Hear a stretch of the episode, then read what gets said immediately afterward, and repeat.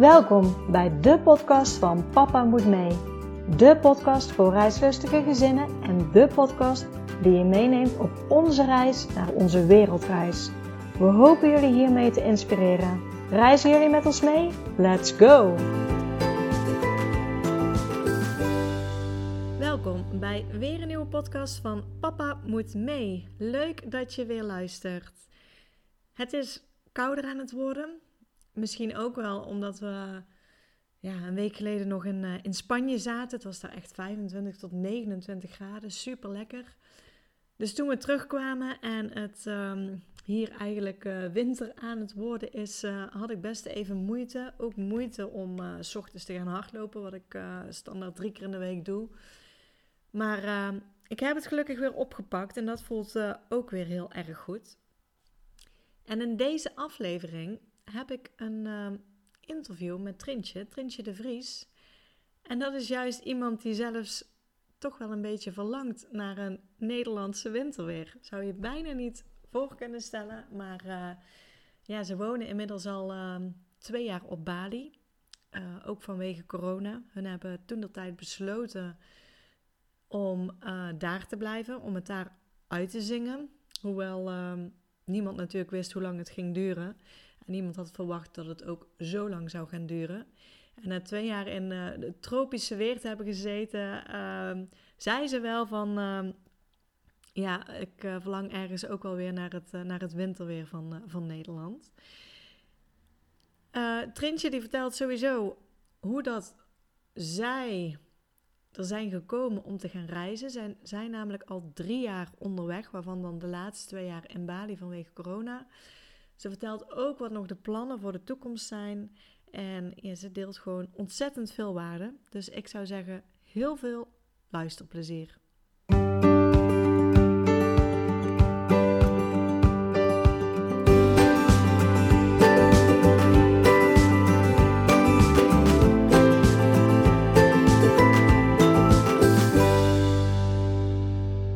Hoi Trintje, welkom bij de podcast van Papa Moet Mee. Hey, hoi. Hoi. Ja, jij zit ja. Uh, vanuit Bali, zeg maar. Jij zit op Bali. Ja, klopt. Uh, zou jij jouzelf en jouw gezin eens kunnen voorstellen aan de luisteraar? Jazeker, ja. Nou, mijn naam is Trientje en um, oorspronkelijk uit Friesland. Dat kan je ook wel horen aan mijn naam. Maar um, eigenlijk al vrij jong ook vertrokken daar. Um, even kijken, hoe kan ik be beknopt een beetje mijn levensverhaal delen? Um, ik heb zelf ja, een hele route afgelegd qua werk, zeg maar. Ik ben uh, van oorsprong verpleegkundige. En ik heb me later helemaal om laten scholen tot holistisch therapeut. En heb van alles daar nog bij gedaan. Ik had op een gegeven moment in Zeeland, ik ben dus wel in Zeeland be beland een tijd. Daar had ik een eigen praktijk. En um, daar woonde ik dus met David. David heb ik in het midden van het land ontmoet. Dus hij kwam uit Zeeland. En ik kwam dus uit, uh, uit Friesland. En in het midden hebben we elkaar ontmoet. En we hebben dus ook samen gereisd. En um, uiteindelijk heb ik tien jaar in Zeeland gewoond. En vervolgens, uh, daar hebben we trouwens de kinderen ook gekregen. Drie kinderen. Joshua, dat is onze oudste, die is veertien. En Linde, die is 11, bijna 12. En Isa, onze jongste dochter, die is 8. Dus wij woonden eigenlijk ja, tien jaar lang in Zeeland. En um, woonden en werkten daar. En ja, waren eigenlijk altijd wel bezig met dat we graag op reis wilden en een ander leven wilden creëren. Ja. Ja, ja, mooie introductie. Want als we even teruggaan, je zei al dat, dat jij en David uh, veel samen reisden. Hoe zag dat eruit voordat jullie kinderen hadden? Ja, we zijn eigenlijk gelijk nadat we um, getrouwd zijn. We zijn op een gegeven moment getrouwd. Toen zijn we dus gelijk naar het buitenland vertrokken. Dus we hadden toen al het gevoel, we, we, hebben altijd wel heel erg op ons gevoel geleefd. Dus we waren altijd wel heel erg aan het voelen, hé, hey, wat klopt. En uh, we konden wel een huisje krijgen in het midden van Nederland, in Wageningen. Maar we kwamen daar en we hadden echt zoiets van, nee, dit is het niet. En uh, toen zijn we dus gewoon na onze, onze huwelijk, zijn we gewoon met een oude auto, we waren vrij jong, zijn we um, naar Oostenrijk gereden. Want we hadden dus mensen ontmoet. En we hadden het gevoel van, hé, hey, weet je, die mensen zijn interessant. En uh, die hadden ons uitgenodigd. Dus wij zijn eigenlijk gelijk al begonnen, zeg maar, op reis samen. En um, ja, we zijn dus echt uh, uiteindelijk anderhalf jaar hebben in Oostenrijk gewoond. Zo. Um, heb ik ook als, als verpleegkundige gewerkt in een, een, een ziekenhuisje met ski-patiënten. En um, we hebben daar ook wel in Europa rondgereisd. En toen we uiteindelijk, toen zijn we teruggegaan naar Nederland. En toen hebben we ook met de kinderen wel gewoon kortere reizen gemaakt toen ze kleiner waren. Gewoon een beetje een paar maanden of hoe lang het zeg maar kon. Uh, ook in Amerika. En uh, ja, we, dat, dat was eigenlijk ja, vrij kort. Maar we hadden al, eigenlijk altijd wel het gevoel van... hé, hey, we willen eigenlijk wel langer echt naar het buitenland. Ja, want dus dat ook speelde al, al lang. Ja, want ook al kwamen er kinderen, jullie zijn gewoon doorgegaan met reizen. Was het Hmm. dan wel, zeg maar, uh, aan de vakanties van school gebonden? Of gingen jullie toen ook... Ja, kijk, we hebben toen één iets langere reis gemaakt toen de oudste twee uh, nog geen... Hè, toen was Joshua nog drie en Linde nog eigenlijk vrij klein. Dus toen, hè, toen, waren we op zich nog vrij, maar toen waren we een beetje gebonden aan onze financiën. Dus hè, hadden we niet, uh, geen spaargeld om dat heel lang te doen. En uh, ja, daarna was het meer zo van, ja, als we dit echt langer willen doen, dan moeten al die puzzelstukjes gaan kloppen. Hè, dan moeten we wel een soort inkomen hebben, want we wisten ook van, ja, we willen niet sparen of iets verkopen en dan gaan reizen tot alles leeg en op is en dan weer terugkomen en van vooraf aan beginnen. Zo voelde dat dan voor ons. Ja. Dus um, ja, mooi. Ik, ik Ja. proef heel duidelijk zeg maar, eh, het gevoel volgen en, en ook die reislust die er altijd al in heeft gezeten. ja. Hoe zeg maar, wanneer kwam bij jullie zeg maar besef van oké, we willen dit inderdaad wel vaker doen of voor langere tijd doen, maar we willen dat wel op een manier doen die bij ons past. Dus inderdaad niks sparen of van tevoren verkopen. Wanneer kwam dat plan bij jullie ter sprake? Ja, het was een beetje een proces. Want uh, hebben we ontdekt op een gegeven moment van, oh ja, we willen niet zeg maar met spaargeld reizen en dan na een jaar weer met een lege portemonnee terugkomen. Dus toen wisten we ook van, hé, hey, dan moeten we dus een andere oplossing daarvoor hebben. Dus ja, met online werken. Dus toen zijn we ons op een gegeven moment daarop gaan richten. Dus dat ik mijn praktijk heb omgezet in online programma's. En tegelijkertijd, um, voor ons speelde het heel erg dat we op een gegeven moment de kinderen ook wel echt iets anders mee wilden geven. Dus um, die zaten op een, op een gewone school in Zeeland. En um, in het begin vonden we dat nog wel leuk. maar ik had steeds meer het gevoel van jeetje, ze zitten gewoon in een trein. Er moet zoveel stof doorheen. En ja, het was, het was niet iets waar ik helemaal achter kon staan. En ik voelde gewoon vooral, ik wil ook iets anders voor hun. Dat er gewoon meer ruimte is, meer ruimte om ja, jezelf te zijn. Wat meer vrijheid voor het eigen leerproces. En um, ja, uiteindelijk hè, gaven onze kinderen uiteindelijk daarin de doorslag. Omdat we het gevoel hadden van ja, we willen toch iets anders voor hun creëren. Hè? Is altijd wel leuk, want heel veel mensen zeggen van, oh, maar dat, op een gegeven moment kan je het niet meer doen als je kinderen hebt, zeker als ze ouder zijn. Maar bij ons was het juist andersom. Bij ons was het juist van, nee, weet je, die kinderen, we willen, willen, willen ze iets van de wereld laten zien, we willen ze juist iets anders meegeven. Dus dat gaf ons uiteindelijk, ja, dat was misschien wel de grootste motivator om ja, toen vervolgens dus de andere stappen, de andere puzzelstukjes, zeg maar, ook te leggen. Ja. Dus waaronder dus een online inkomen. Ja, Ja. want de- toen, uh, ja, het, het idee was er, zeg maar. Het idee was dan inderdaad van we willen onze kinderen meer meegeven dan uh, Ja. zeg maar alleen maar vier muren waar ze nu binnen zitten. En Ja. ja, ja jullie wilden ondertussen ook in die, in die zin geld verdienen, zeg maar werken onderweg, um, ja, zodat je niet hoefde te sparen.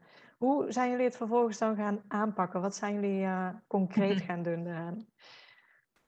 Ja, het was, ik weet nog wel dat, dat we moesten op een gegeven moment ook echt beslissen van we gaan dat gewoon dit jaar voorbereiden en doen. Want wij zaten al jaren gewoon daarover na te denken. En ehm, ik heb een paar podcasts met David opgenomen. Daar vertellen we altijd ook dat we voor de tent zaten in de zomer. Want ik vond in de zomer is zo'n tijd, dan ben je los van alles, dan ben je weg. Dan kan je gemakkelijker dromen en ook vaak gemakkelijker voelen ja, waar je blij van wordt. Hè? Enthousiast, omdat je even uit die rat race bent. En dan is daar gewoon weer ruimte voor. Dus wij zaten altijd s'avonds met een kaarsje dan uh, voor de tent te kletsen over onze dromen. Maar dat, ja, we zaten daar elk jaar weer. En uh, op een gegeven moment had ik zelf ook het besef van, jeetje, het leven gaat gewoon zo snel. Ik was 38 inmiddels en ik dacht, je, ik ben echt gewoon, voordat ik het weet, ben ik 40. En dan, ja, als ik niks doe, nou ja, dan ben je 45, dan ben je zo 50. Nou, en dan uh, heb je misschien kleinkinderen, dan denk je, oh, heb je weer een reden om gewoon uh, iets niet te doen. Hè? Dus het was vooral het besef van, ja, we moeten wel echt iets gaan doen als we iets willen veranderen. En toen hebben we dus onze laatste zomervakantie, of één na laatste, 2017, in Italië. Toen hebben we gezegd van, nou, we gaan dit gewoon doen. En we gaan gewoon hè, dat online traject starten. We gaan het gewoon allemaal opzetten. En dan gaan we gewoon volgend jaar, september 2018, gaan we gewoon op pad. En dat hebben we uiteindelijk, hè, als je vaak een doel stelt, dan ga je er naartoe werken. Dan creëer je het ook. Hè, Zolang het gewoon een droom blijft en je praat erover. En, eh, dan ja, lukt het niet om die stappen te zetten. Dus we hebben toen wel echt zo'n paal in de grond gezet. Ja, niet letterlijk, maar um, dat we zeiden, ja, we gaan dit gewoon doen. September volgend jaar. Het was uiteindelijk oktober. We, kregen, we hadden nog iets, zes weken langer of zo nodig. Maar ja, toen um, ja, zijn we dat jaar gewoon bezig geweest met, met inderdaad dat online programma opzetten. Hoe werkt dat met marketing, Facebook, daar zijn we in gaan investeren. We zijn um, ja, de kinderen natuurlijk daarin meegenomen. En um, ik vond zelf, als je eenmaal echt het besluit neemt, ja, dan komen er ook wel de ideeën komen dan ook wel.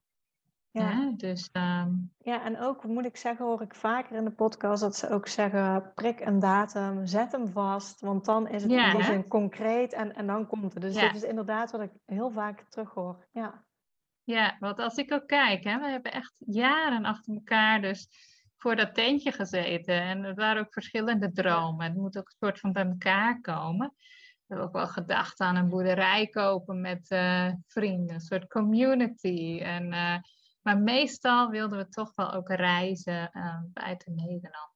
Ja, maar Het, eh, het maakt absoluut het verschil als je het echt concreet maakt. Ja, mooi. Dus de datum was gezet. Jullie zijn keihard gaan werken aan, aan alles te creëren, zeg maar, uh, online business opzetten. Wat voor andere dingen hebben jullie geregeld? Hadden jullie bijvoorbeeld een eigen woning in Nederland? Wij hadden geen eigen woning, want omdat we dus eigenlijk terug waren gegaan naar Nederland met het idee van dit is tijdelijk. Dus het voelde nooit uh, achteraf, denk je, oh, dat had best slim kunnen zijn. Alhoewel veel uh, van onze vrienden ook in die tijd gewoon woningen hadden die onder water stonden. Dat is nu natuurlijk wel beter. Ja. Maar wij hadden, wij hadden, wij huur, hadden een pastorie gehuurd voor heel weinig geld. Toen we dus echt tien jaar daarvoor terugkwamen in Nederland. En ja, daar hebben we uiteindelijk tien jaar gewoond. Met hele lage kosten. Maar we hebben dus geen eigen woning dus gekocht. We hadden wel um, David, die zat in het familiebedrijf van, uh, van zijn vader. Of hij was er eigenlijk twee jaar ingestapt om het bedrijf te helpen vernieuwen. En dat heeft hij ook gedaan. Toen hebben we nog wel even gedacht, zo van, ja, dit leven is toch ook goed. Weet je, ja. gewoon. dat bedrijf had een enorme boost, was enorm vooruit gegaan. ja, kunnen we hier ook niet gewoon gelukkig zijn? Ja, ik heb altijd wel het gevoel van, oh ja, op een gegeven moment toen, toen is het een tijdje een beetje naar de achtergrond gegaan, die dromen. En toen hebben we ook wel een soort van, ja, geprobeerd, zeg maar, dan gewoon te leven en ja, daar gelukkig in te zijn. En weet je, ik heb hele gelukkige herinneringen aan die tijd, absoluut. Maar diep van binnen klopt het niet echt of zo. Was het niet, niet dat yes-gevoel van, ja. dit hoort echt bij mij. Het was meer dat ik probeerde zo te leven als andere mensen. Hè? Een beetje, beetje dat plaatje. En ik probeerde heel hard van, ja, iedereen is hier zo oké mee, weet je. Nou, ik ga het gewoon, hè. Moet bij ons toch ook lukken. Maar er bleef toch altijd een gevoel van, ja, dit is toch niet helemaal wie wij zijn. Ja. En toen ja, hebben we daar gewoon echt naar geluisterd. En toen voelde David ook van, ja, ik, het is ook niet mijn weg om gewoon jarenlang in dit bedrijf van mijn vader te zitten. Dus dat was ook één groot, hè, dat was voor hem echt een groot ding, om gewoon dat gesprek aan te gaan en te zeggen van, ja, weet je, dit is niet mijn toekomst. En zijn vader wist dat natuurlijk al lang. Die had het al gewoon aangevoeld en hij helemaal zenuwachtig. En toen waren dat van, jongen, ik wil gewoon dat je gelukkig bent. En, uh, ja, mooi. Dus ja. ja. hij heeft wel echt ook geholpen omdat, ja, dat, dat, zijn vader heeft een drukkerij. en dat liep natuurlijk terug door de digitalisering. Dus ze hebben dat hele bedrijf wel vernieuwd. En daar gaat er nu heel goed mee. Dus dat helpt natuurlijk ook om dat gewoon af te kunnen sluiten. Ja, dus dat was ook één ding wat we, wat we af moesten sluiten. En um, ja. ja, voor ons was dat dat financiële stukje inderdaad, hè, dat, dat, dat online bedrijf dat we hebben opgezet. Ja, dat voelde als het grootste ding waar we ons op hebben gericht dat jaar. Ja, en hoe ging het met, met de kinderen en met school? Hoe uh, zijn jullie nog in gesprek gegaan met school? Of wisten jullie al na dat jaar gaan we ons uitschrijven? Of wat zijn jullie keuzes daarin geweest? Nou ja, op zich is dat vrij duidelijk. Hè? Als je langer wilt dan acht maanden, ja. dan, is het al op dan is het al ingewikkeld als je ingeschreven wilt blijven. Dus we hebben nog wel natuurlijk geïnformeerd en gekeken hoe andere mensen dat hebben gedaan. Nou ja, het is in Nederland, ik, het is onoverzichtelijk, hè? want de leerplichtambtenaren die, die zijn overal anders. Dus je moet dan ook een beetje eh, in jouw regio geluk hebben dat je iemand hebt die een beetje mee wil werken. Als je dus korter dan een jaar weg wil. Maar wij wisten al van nee, wij gaan echt ehm, Nederland voor langere tijd achter ons laten. Dus toen hè, op een gegeven moment wisten we van ja, er moet een van ons zich uitschrijven met de kinderen. Dus dat hebben wij gedaan. Dat is op zich niet moeilijk, alleen ja, je hebt dan uh, je hebt natuurlijk een AOW. Dat moet je voor jezelf bekijken, dat je daar een gat hebt. Ja. Maar ja, voor ons was dat niet iets wat ons zeg maar tegenhield om, om deze stappen te zetten. Nee, dus, want, uh, want bij jullie is dan één iemand uitgeschreven met de kinderen en de ander staat nog ingeschreven in Nederland? Nou, dit, dat hebben we later ook geregeld. Hè? Maar dat hadden we, hebben we eerst even zo gelaten in verband met ook werk. Mm Dus dat kon gewoon. En later hebben we dat ook aangepast, omdat we heel praktisch ook niet echt terug konden naar Nederland in verband met corona. Ja. Ja. Hè? Dus als je ingeschreven blijft, dan, dan moet je officieel vier maanden per jaar eigenlijk in Nederland zijn. Ja. Nu, nu zijn, um, nu doet niet iedereen dat, denk ik. Maar nee, nee vooral degenen die geen kinderen hebben, die, uh, bij kinderen is het natuurlijk heel vaak voor de leerplicht uh, dat het makkelijk is. Ja. Want dan ja. heb je die niet meer. Maar inderdaad, als, als ze met kleine kinderen reizen die nog niet meer plichtig zijn, dan uh, wordt er vaak niet uitgeschreven. Nee. Ja, ik, ik, ik vind het nog altijd super boeiend hoor, dat het in Nederland zo geregeld is. Want als je kijkt naar Amerika en Australië, als je daar morgen besluit van weet je, ik wil mijn kinderen een tijdje thuis lesgeven, want uh, ja, vind ik gewoon fijn of dat hebben ze nodig, dan staat niks jou in de weg. Hè? En in Nederland is, ja, ze noemen het ook wel schoolplicht in plaats van leerplicht. Ja. Daar is het gewoon ontzettend moeilijk om je kinderen uit school te halen. Zelfs als ze één, één keer op school hebben gezeten. Ja, dan is dat bijna onmogelijk. Ja, En, Nederland eh, is heel streng daarin. Ja. Hè? En dat, ja, vond ik zelf ook eigenlijk geen fijn idee hoor. Ik, ik moet ook zeggen dat ik pas, kijk, je bent gewend aan een bepaald systeem als je erin leeft. Hè? Wij zijn erin opgegroeid. Maar ik had dus altijd wel zo'n onderbuikgevoel van, nou, ik wil mijn kinderen eigenlijk eh, wat anders geven en ze daar gewoon uithalen. Maar toen de laatste dag dat ik ze ophaalde van school, toen liep ik weg van het plein en toen overviel mij echt een heel sterk gevoel van, ik heb mijn kinderen terug. Ik heb de regie terug. En ehm, ja, dat had ik niet eens verwacht hoor. Dat kon ik niet eens plaatsen. Het was gewoon een gevoel. Terwijl ik daar, mijn hoofd had ook zoiets van, ja, hoezo? Ik heb mijn kinderen terug.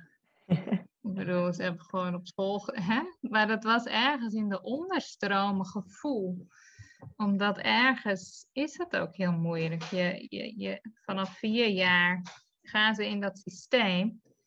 En je hebt ontzettend weinig speelruimte en beweegruimte. En voor ons was dat dus wel ja, iets wat, wat niet goed voelde. Ja. Ehm, ik, hè, ik zeg er altijd bij, ik ben niet tegen scholen hoor, want er zijn ook prachtige onderwijssystemen. Mhm. Maar ik heb wel, ik heb mezelf toen wel beloofd van ik ga ze nooit meer naar een school brengen die niet voor mij helemaal kloppend voelt voor hun hele ontwikkeling. Ja. Voor wie ze zijn als mens. Die echt gewoon oog heeft voor ja, het hele kind, de hele persoon. En dat gevoel had ik niet eh, waar zij dus zaten, op, die school. Ja, Ja. ja. ja, precies. Dus de leerplicht werd eigenlijk gecoverd door uitschrijven. En ehm, ja, jullie hoeft ook niks met school af te spreken, want jullie wilden het gewoon op een andere manier gaan doen. Ja, We zijn wel ge- gegaan hoor, want eh, eh, we hebben wel gesprek gehad even met, eh, hè, met het schoolhoofd. En we hebben gezegd inderdaad dat onze plannen waren en ook dat we ons gingen uitschrijven. Dat vond, was ook helemaal geen probleem. Hij zei wel van, ehm, wat ook nog kan als je wel ehm, je kan dan wel je kind ook in een nieuwe school inschrijven, hè? op de plek waar je Ja. dan bent. En, Ja. eh, maar in principe, als je uitschrijft, dan ehm, kan je dat zelf invullen. ja. ja. Ja. Hoe, als je, als je dan kijkt, want, want jullie ehm, hebben je toen uitgeschreven, wa- wat zijn daar uiteindelijk consequenties van geweest qua verzekeringen, kinderbijslag? Ja, de kinderbijslag was eerst een beetje onduidelijk, want eerst zeiden ze dat dat doorliep, maar toen kregen we later dus wel dat we terug moesten betalen. Dus dat is iets eh, waar je op, op moet letten. Dus... En heeft dat dan nog te maken met, met het feit dat jullie zoiets hadden van, nou ja, we gaan weg en we weten niet of we nog terugkomen en wanneer? Dat je die terug moest betalen? Of? Die, ik weet het niet, want wij hebben toen wel contact met ze gezocht en eigenlijk al zelf gevraagd van, goh, stop dat maar. Omdat we zo'n gevoel al hadden van, volgens mij hebben we daar geen recht op. Maar het is soms ook maar net wie je aan de telefoon hebt. Ja, Toen hebben ze dat dus niet doorgevoerd. En toen hè, moesten we alsnog, eh, dus dat is wel iets om rekening mee te houden. ja, En ehm, verzekeringen, kijk, op een gegeven ehm, de, de eh, zieke, ziektekostenverzekering, zorgverzekering. Ja, zorgverzekering, die hebben we gewoon internationaal geregeld. Dus daar heb je gewoon ehm, ja, reizigers, nomad-verzekeringen voor. En ehm, ja, wat heb je dan nog meer? reisverzekering misschien, ik weet het niet. Maar... Die hebben wij niet. Ehm, dus daar kan ik dus ook geen, geen Nee. advies of over zeggen, geven. Maar ehm, ja, dus die, die ziektekostenverzekering is gewoon goed te regelen, internationaal. Ja. Oké, nee, toen was alles is dan in feite geregeld, zeg maar. Jullie zaten gehuurd, die kon je Ja. opzetten, school was geregeld, en jullie zouden uitschrijven. Hoe zag jullie plan eruit? Want oktober 2018, als ik het goed heb, gingen jullie vertrekken. Ja. Hadden jullie Ja. van tevoren een plan of wisten jullie waar je naartoe ging? Of, eh, Ja, we hadden de eerste twee stappen hadden we geregeld. Ja, we hebben eerst heel lang een beetje gevoeld van, hé, hey, wat, wat, waar willen we naartoe? Want we zaten aan de ene kant te denken aan Zuid-Amerika, Costa Rica. Of Zuidoost-Azië, Bali was eigenlijk vanaf het begin ook een optie. En op een gegeven moment voelden we, we hadden ook wel gekeken van, waar kan je ook goed online werken? Dat is toen ook nog wel een, een, een punt wat we meenamen. En ehm, ja, toen was op een gegeven moment het gevoel van ja, Bali. Dat klopt. Hè? Dus hebben we gewoon die tickets geboekt. Twee maanden Bali. En toen hebben we tickets geboekt naar Nieuw-Zeeland. Omdat David daar ook familie heeft. Dus voor de kerst. En toen hadden we zoiets van, dan kijken we daarna wel wat we gaan doen in januari. Waar we dan naartoe willen. Misschien in Australië. Of... Maar uiteindelijk toen kwamen we dus in Bali. En ehm, sowieso vonden we het allemaal super fijn. De kinderen ook. De kinderen hebben, hebben daar dus zelfs nog een maand op een schooltje gezeten. Dus dat was wel grappig, want we hadden natuurlijk helemaal bedacht van we gaan ze eerst even vrijgeven, dat ze gewoon even bij kunnen komen. En dan gaan we hè, eerst even ja, unschooling doen. Dus dat, dat is ook een hele. Er zijn allemaal boeken over. Dus dat je kinderen echt de ruimte en de vrijheid geeft om zelf te leren. En de dingen waar zij interesse in hebben. En ehm, dat heb ik ook heel veel gezien hier. Dat is super mooi. Zeker die kinderen die daarmee opgroeien. Want die blijven die, die natuurlijke leergierigheid houden. En ja, je ziet in Nederland, het schoolsysteem, het gaat vaak verloren. Omdat het zo moeten is. Hè? Ze moeten gewoon gaan zitten en ze worden hele dagen gevoerd. En dat had, zag ik dus ook bij mijn eigen kinderen. Dat die eigenlijk die, die nieuwsgierigheid, die leergierigheid, dat ging gewoon langzaam wat weg. En ik heb hier wel gezien, dus bij die kinderen die, die nooit op school hebben gezeten, die, die hebben dat nog heel erg. Want het is iets leuks, het is geen moeten. Maar onze kinderen, die komen natuurlijk niet vanuit die achtergrond. Dus die, ja, die, die waren gewoon wel gewend om gewoon te gaan zitten. En de juffrouw die uh, zegt precies wat je allemaal moet doen. En die voert je, je opdrachtjes. Dus wij hadden na een maand zoiets van, hè, eerst heb je wel vakantiegevoel. Wow, die kinderen, die passiviteit eigenlijk hè, in hun eigen leerproces was echt van, oké, weet je, hoe gaan we nu werken? Hoe moeten we dit doen? En uh, dat is wel iets wat ik heb geleerd, is dat je natuurlijk altijd verwachtingen hebt en plaatjes. Maar dat je ook gewoon ja, mag meebewegen en schakelen. Want het is natuurlijk nooit precies zoals je het voorstelt. Ja. Dus wij hebben, toen na vier weken hadden we zoiets van, wow. We, hè, we hadden natuurlijk het idee van, dan uh, gaan we wel om de beurt werken. En één iemand bij de kinderen. Maar dat was vrij intens. Dus toen hebben we um, hebben toch een heel leuk schooltje gevonden daar. En daar zijn ze vier weken naartoe geweest. Wat wel echt goed was voor hun Engels ook. En het was een heel, was wel een hele leuke plek. Dat ze ochtends begonnen met meditatie en yoga. En in de kring liedjes zingen met de gitaar. Dus voor hun was het ook wel heel bijzonder om zo'n hele andere ervaring te hebben. Van, oh, dit kan dus ook school zijn. Dus eigenlijk was, dat, was het een hele leuke tijd. En um, ja, toen zijn we naar Nieuw-Zeeland gegaan. Toen hebben we daar eigenlijk rondgereisd. Twee maanden. en dan die tijd doorgebracht met familie. En toen hadden we zoiets van, goh, wat gaan we nu doen? En toen wilde eigenlijk iedereen terug naar Bali.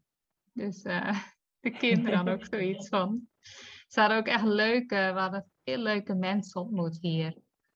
Veel gezinnen. En, uh, dus toen zijn we teruggegaan naar Bali.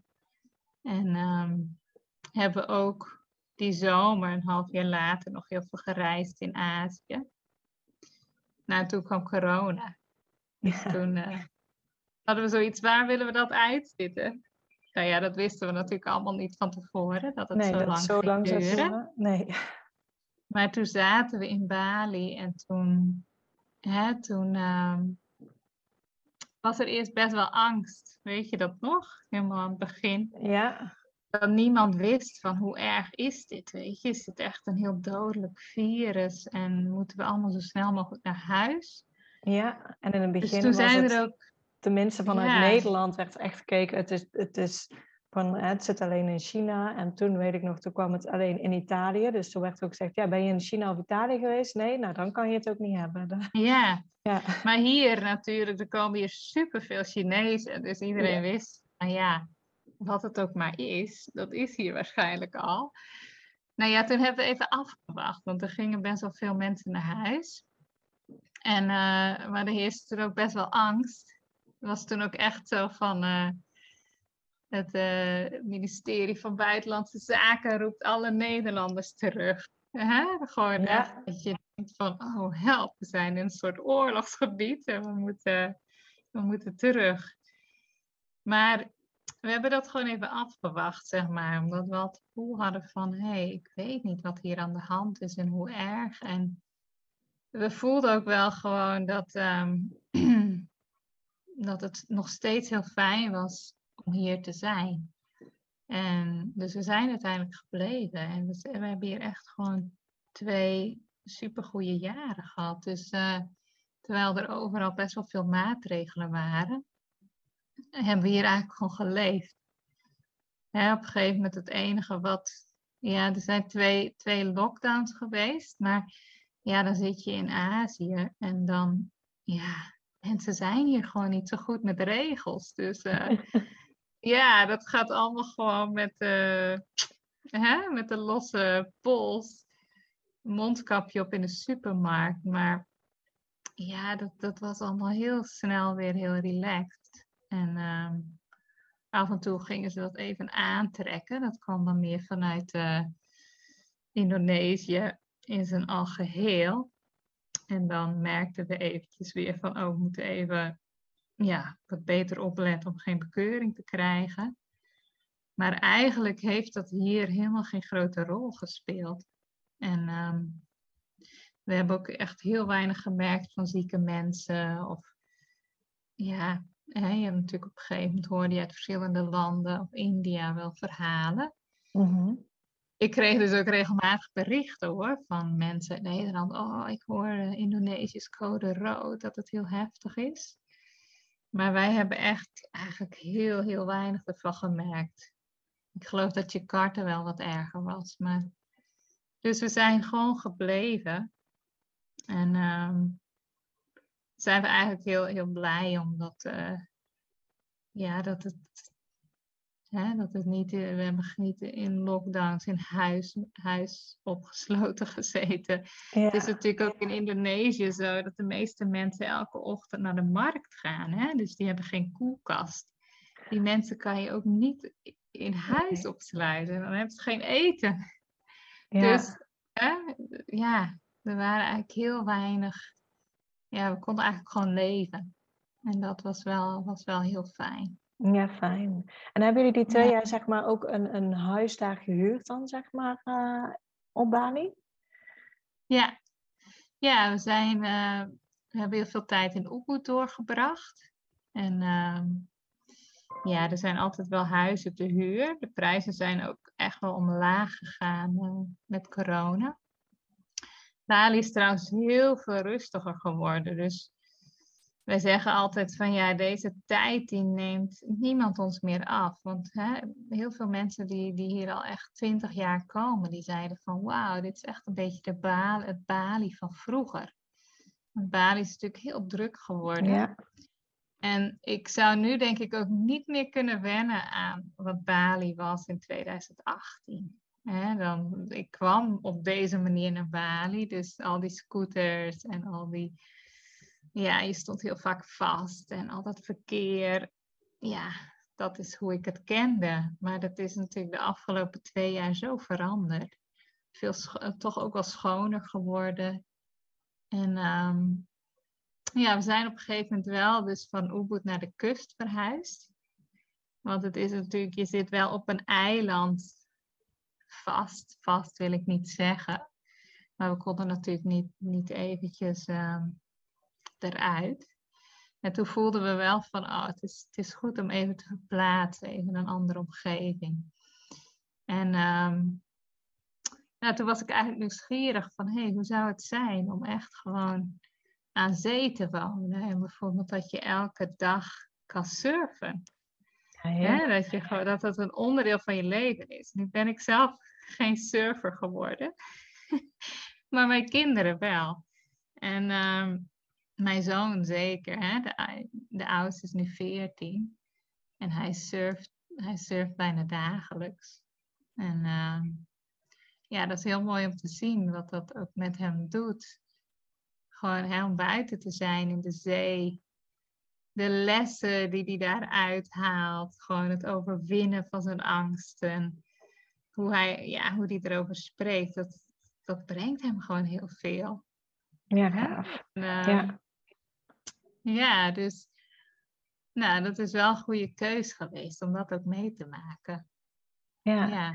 Hoe, uh, hoe, hoe ziet zeg maar nu het, het onderwijs eruit uh, van jullie kinderen? Want jullie doen nog steeds dan aan homeschooling. Ja, we doen nu een beetje een combinatie.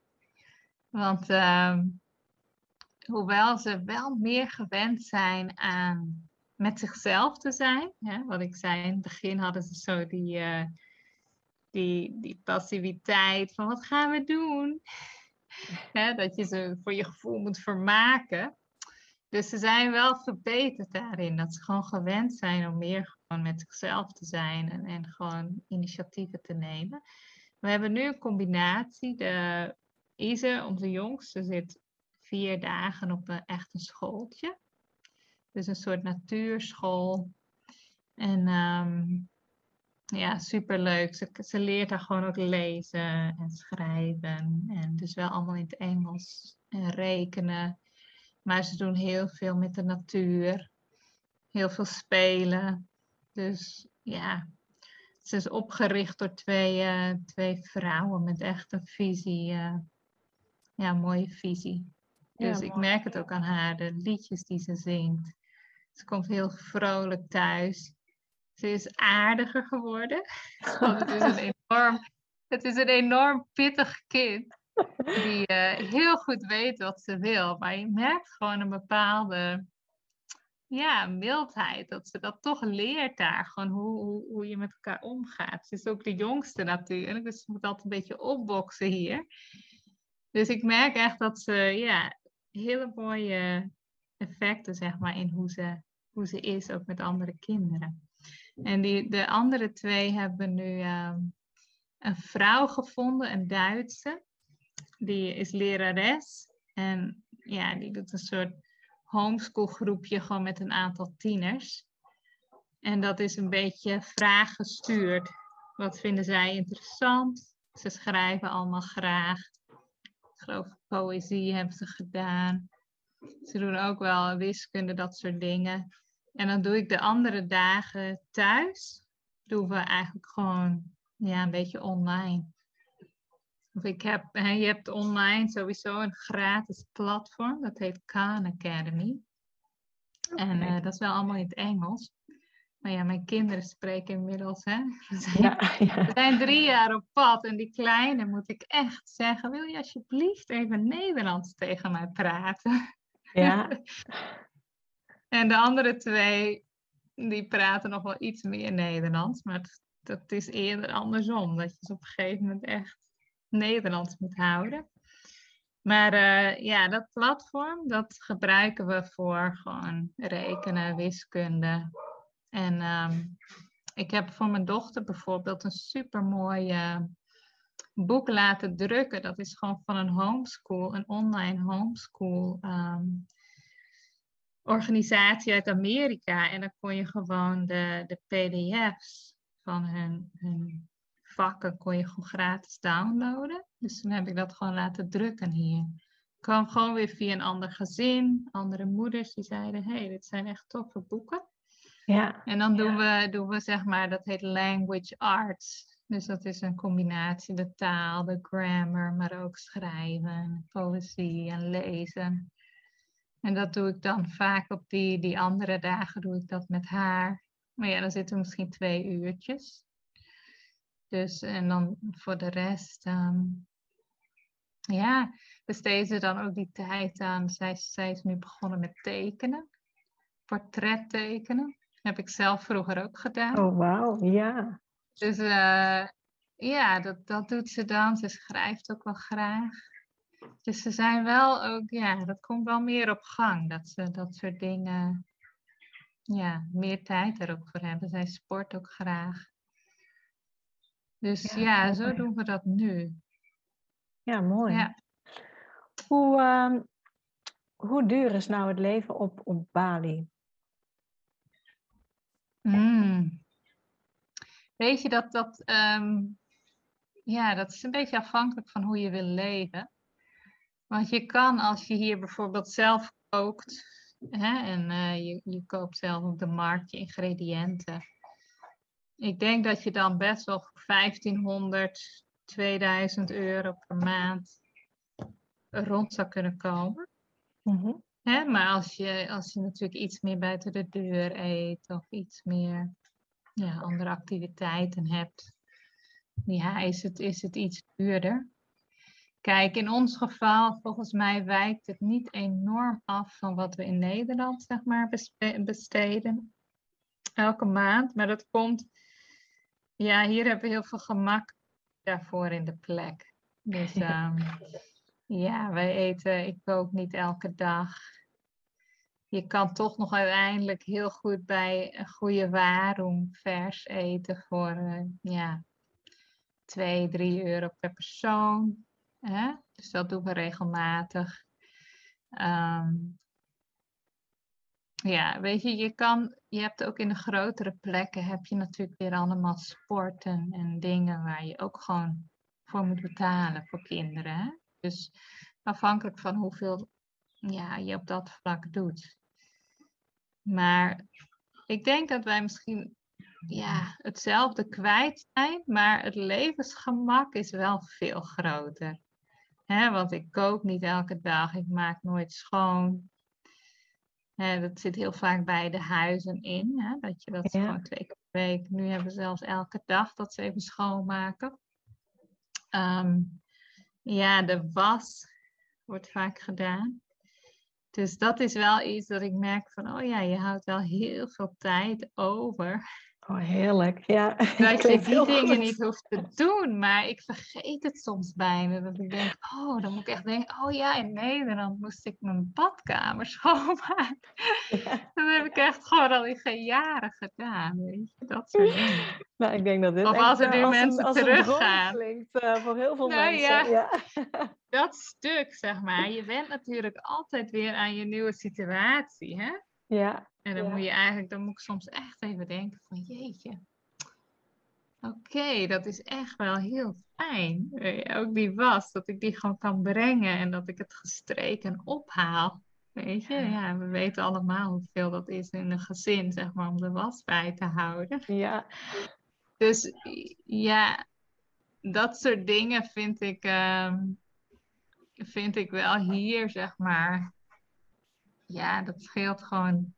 Je houdt gewoon veel tijd over om uh, gewoon te leven. En, en dat is misschien wel het verschil ook met ons leven in Nederland. Hè? Want uh, dan was het gewoon door de week vooral school en werk. Dan heb je de drukte na school. Hè? Als je gaat koken, dat is altijd een beetje zo'n spitstijd. En dan uh, ben je blij als iedereen weer in bed ligt. Hè? Dan doe je het gewoon de volgende dag weer. Hier is dat gewoon, zijn de dagen wat ja, afwisselender. Als mensen een feestje geven, kan dat net zo goed op een maandagavond zijn. Want niemand heeft hier een soort 9-to-5 job. Ja. Dus je hebt een hele andere. Je hebt dus ook hele andere mensen om je heen. Die ook, hè, die de meeste werken ook online met hun eigen tijd indelen. Dus je zit niet meer in dat, uh, dat stramien. Hè? Terwijl een beetje ritme is ook vaak fijn hoor. Dus ik, ik vind dat nu ook fijn met op school. Dat je toch een soort van, ja, je week heeft een bepaalde structuur. Maar voor de rest heel veel ruimte om dat vrijer in te vullen. Ja, ja, ja mooi. Want jouw kinderen waren natuurlijk uh, ook al iets, iets ouder toen ze gingen. Dus ze hebben het allemaal heel bewust, zeg maar, die overstap uh, meegemaakt. Hoe, uh, hoe hebben zij, zeg maar, gereageerd of hoe vinden zij het nu met ja, die afgelopen jaren dat jullie onderweg zijn gegaan? Ja, ja ze zeggen regelmatig dat ze heel dankbaar zijn. Dus dat is natuurlijk heel fijn, want ja. dat is natuurlijk altijd afwachten. We hebben wel gehad, eh, mijn dochter van, van elf, de eerste zomer, toen gingen we dus reizen in, in Azië. En toen waren we op een gegeven moment in Bangkok in een hostel. En toen had ze zoveel heimwee.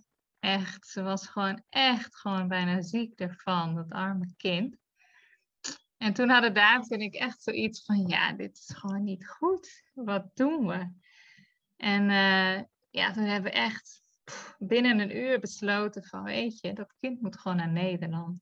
Want dit, dit, is, dit gaat niet zomaar over. Ze moet gewoon even de familie zien. En uh, we waren ook heimwee naar, naar Nederland, zeg maar, niet naar Bali. Ja, naar Nederland. Oké. nee, nee, naar Nederland. Dus echt naar haar vriendinnetjes, naar de familie. Dus toen hebben we eigenlijk heel snel besloten van, weet je, we wilden niet met z'n allen gaan. Dus we hebben gewoon besloten, David, die heeft altijd voor zijn werk, eh, want die, is, die heeft ook een eigen bedrijf opgezet, eigenlijk ook onderweg. Omdat hij werkt altijd in de communicatie. En wat hij nu doet, is mensen ook begeleiden met, met online bedrijven opstarten en zo.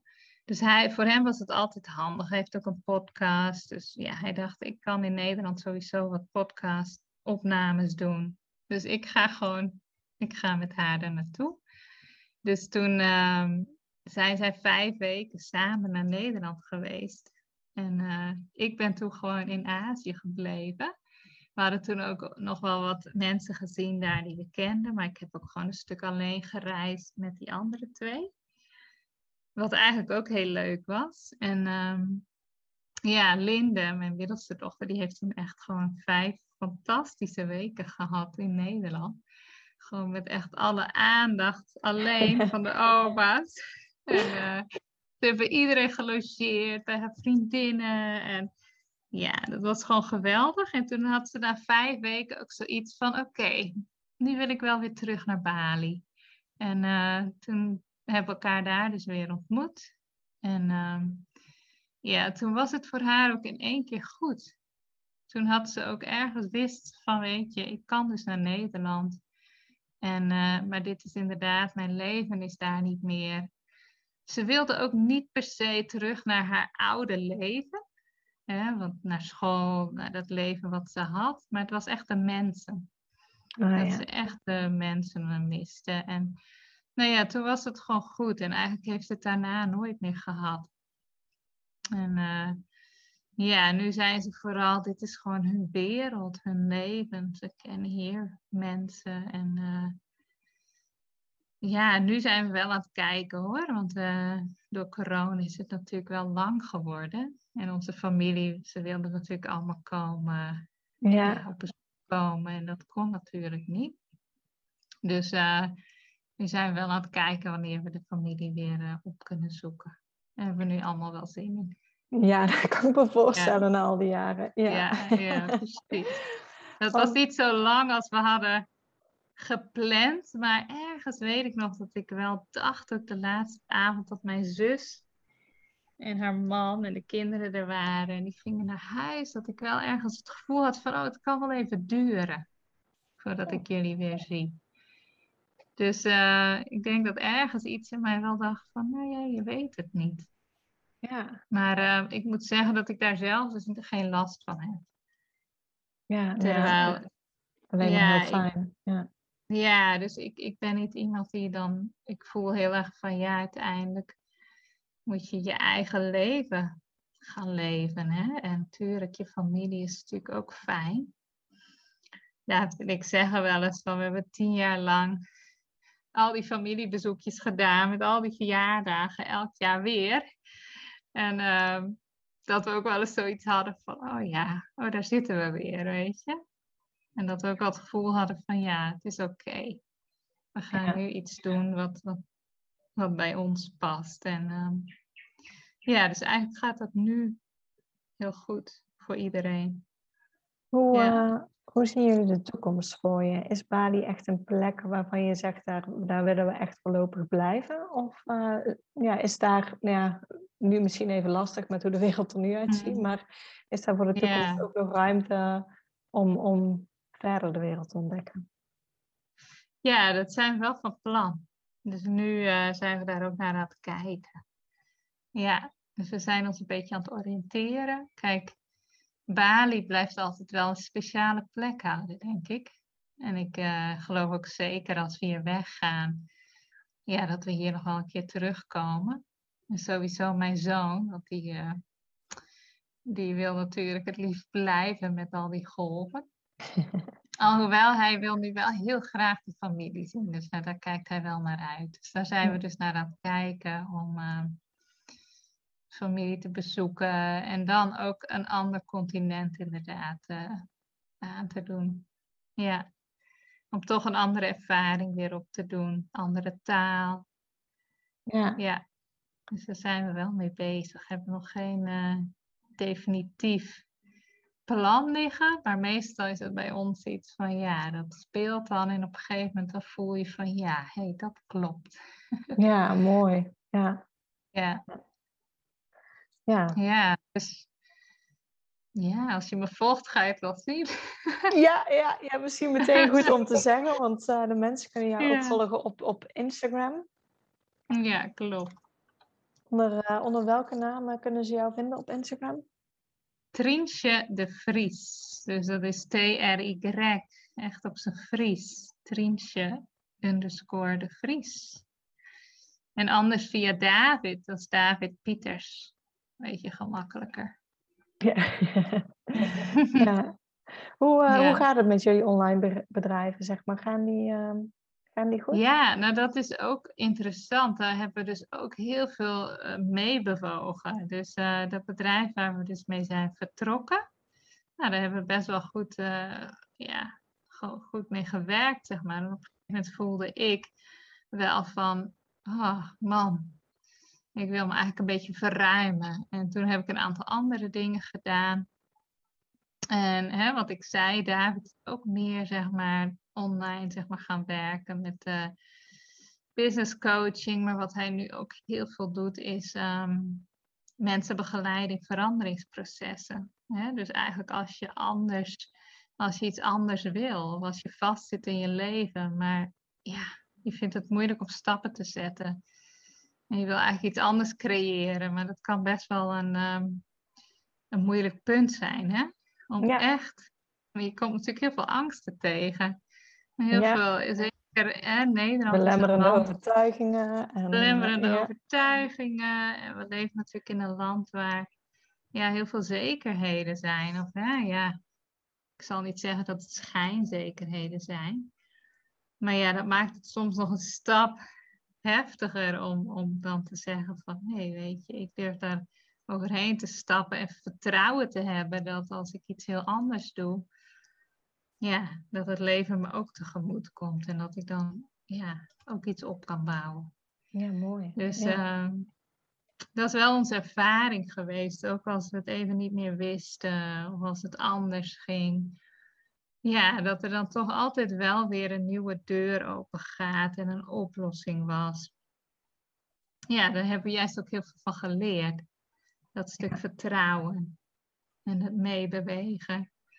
En ik denk, ja, dat is misschien voor iedereen ook anders. Hè? De een die wil dat precies in kannen en kruiken. Hè, maar ik heb juist geleerd, ook door het reizen leer je ook gewoon van ja, je kan niet alles precies plannen. En daar zit vaak ook de, de magic. Dat je gewoon dat, ja, meebewegen en de dingen, ja. de nieuwe deuren die ook weer opgaan. Ja, dus. En ik moet zeggen, dat is ook een beetje wel een spier die je dan traint. Hè? Dat je dan merkt van, oh, het komt goed. Ja, ja. komt goed. ja. ja. Die spier hoeft niet zoveel te trainen soms in Nederland, omdat alles heel erg ingekaderd is. Hè? Ja. Dus Ja. eh, je weet hè, nu soms al waar je over tien jaar bent. Ja, ja. dat weten wij niet. Nee, heel erg Ja. mooi. Ik heb voor jou nog eh, ditjes of datjes. Ehm, kies gewoon het eerste wat in je opkomt, zou ik zeggen. Oké. Stedentrip of strandvakantie? Ja, ik kies dan toch voor de stedentrip. Oh, verrassend. Familie niet, mijn familie niet. Ik vind het ook prachtig, dit strand, maar ik merk dat ik echt hou van culturele steden. Oeh. Ja, Auto Ja. of vliegtuig? ja mijn eerste gedachte is auto. Vliegtuig vind ik inderdaad meer ja, nodig om me te brengen waar ik wil, wil komen. Ja. Ik moet ook zeggen, dat, eh, dat hoor ik van veel mensen hier. Kijk, ik had altijd wel een heel blij gevoel bij Schiphol hoor. Mijn hele leven. Gewoon dat, dat gevoel van het reizen. En ehm, ja, dat heel veel mensen toch zeggen van, oh, dat is een beetje weg, want het is nu allemaal controle. En eh, moet, er zit helemaal in spanning of je test wel positief of eh, negatief is. En anders kan je nog alsnog het uitstellen. En, dus we hebben natuurlijk niet meer gevlogen. Dus ik denk dat ik een beetje beïnvloed ben, toch? Door ja, dat je voelt dat dat veranderd is. Hè? Ja. Ja, Dat- het gevoel van vrijheid hele- wat je erbij had, dat het eigenlijk weg is. Ja, ja, want inderdaad, er is zoveel controle en zoveel komt er nu bij kijken. Ik heb echt meerdere, hebben ook vrienden gehad die ons op kwamen zoeken en die hadden dan, was de test toen iets, iets, ja, iets over de 24 uur, dus die gold niet meer en toen moesten we het weer uitstellen, weer een nieuwe test en het is wat complex geworden, Ja, Ja. ja. zeker. Ja. maar het kan nog wel natuurlijk. ja. Backpack of koffer? Eh, koffer. Maar we hebben het allebei. Omdat we zeiden, dan zijn we toch nog wel wat bewegelijker dan dat we met vier grote koffers gaan reizen. Hè? Ja. Dus ons- onze insteek was trouwens ook om slow travel te doen. Maar wij hebben wel ontdekt van de kinderen houden wel echt van langer op één plek zijn. En dan van daaruit ook wel dingen te doen. Dus wij zijn inderdaad niet de echte backpackers. Ja. Ja, Airbnb slash hotel of kamperen? Airbnb. Af en toe kamperen voor de leuk. Zomer of winter? Kies ik toch voor zomer. Terwijl we nu wel zin hebben om weer wat winter te ervaren. Oh ja? Ja, ja, dat is grappig na drie jaar tropen. Dat echt, ja, de kinderen kijken ernaar uit. We gaan waarschijnlijk in de winter. We hebben al een paar broeken gekocht en zo. Zijn ze helemaal blij. Ja, ik denk dat ik na twee weken het wel weer genoeg vind. Maar ik kijk er wel even naar uit. Dat frisse, zeg maar. Ja. Zwembad of zee? Dan toch zee. Ja, Bergen of strand? bergen. We zitten hier op een oh, klif, hè? oh, Ja, we zitten hier op een klif, dus dat, eh, dat is, vind ik altijd wel mooi. Dat je echt vanaf die klif de zee kan overzien. Ja, gaaf. Ja. Bergen, of, oh, die had ik al. Europa of buiten Europa? Ja, toch buiten Europa. Hm. Een roadtrip of één vaste plek? Ja, een vaste plek met van daaruit roadtrips. Wij doen dat ook wel veel. ehm, eh, ik, ik hou er bijvoorbeeld heel erg van. En mijn middelste dochter ook. En de jongste. Dus we gaan eens met z'n drieën. Maar mijn zoon van 14, ja, die houdt heel erg van zijn eigen stekkie en gewoon zijn surfen. Die nemen we af en toe wel mee. Maar we doen ook gewoon dan, ja, ga ik. Ik heb ook een roadtrip gedaan met mijn dochter van 11. Dat was super leuk, met z'n tweeën.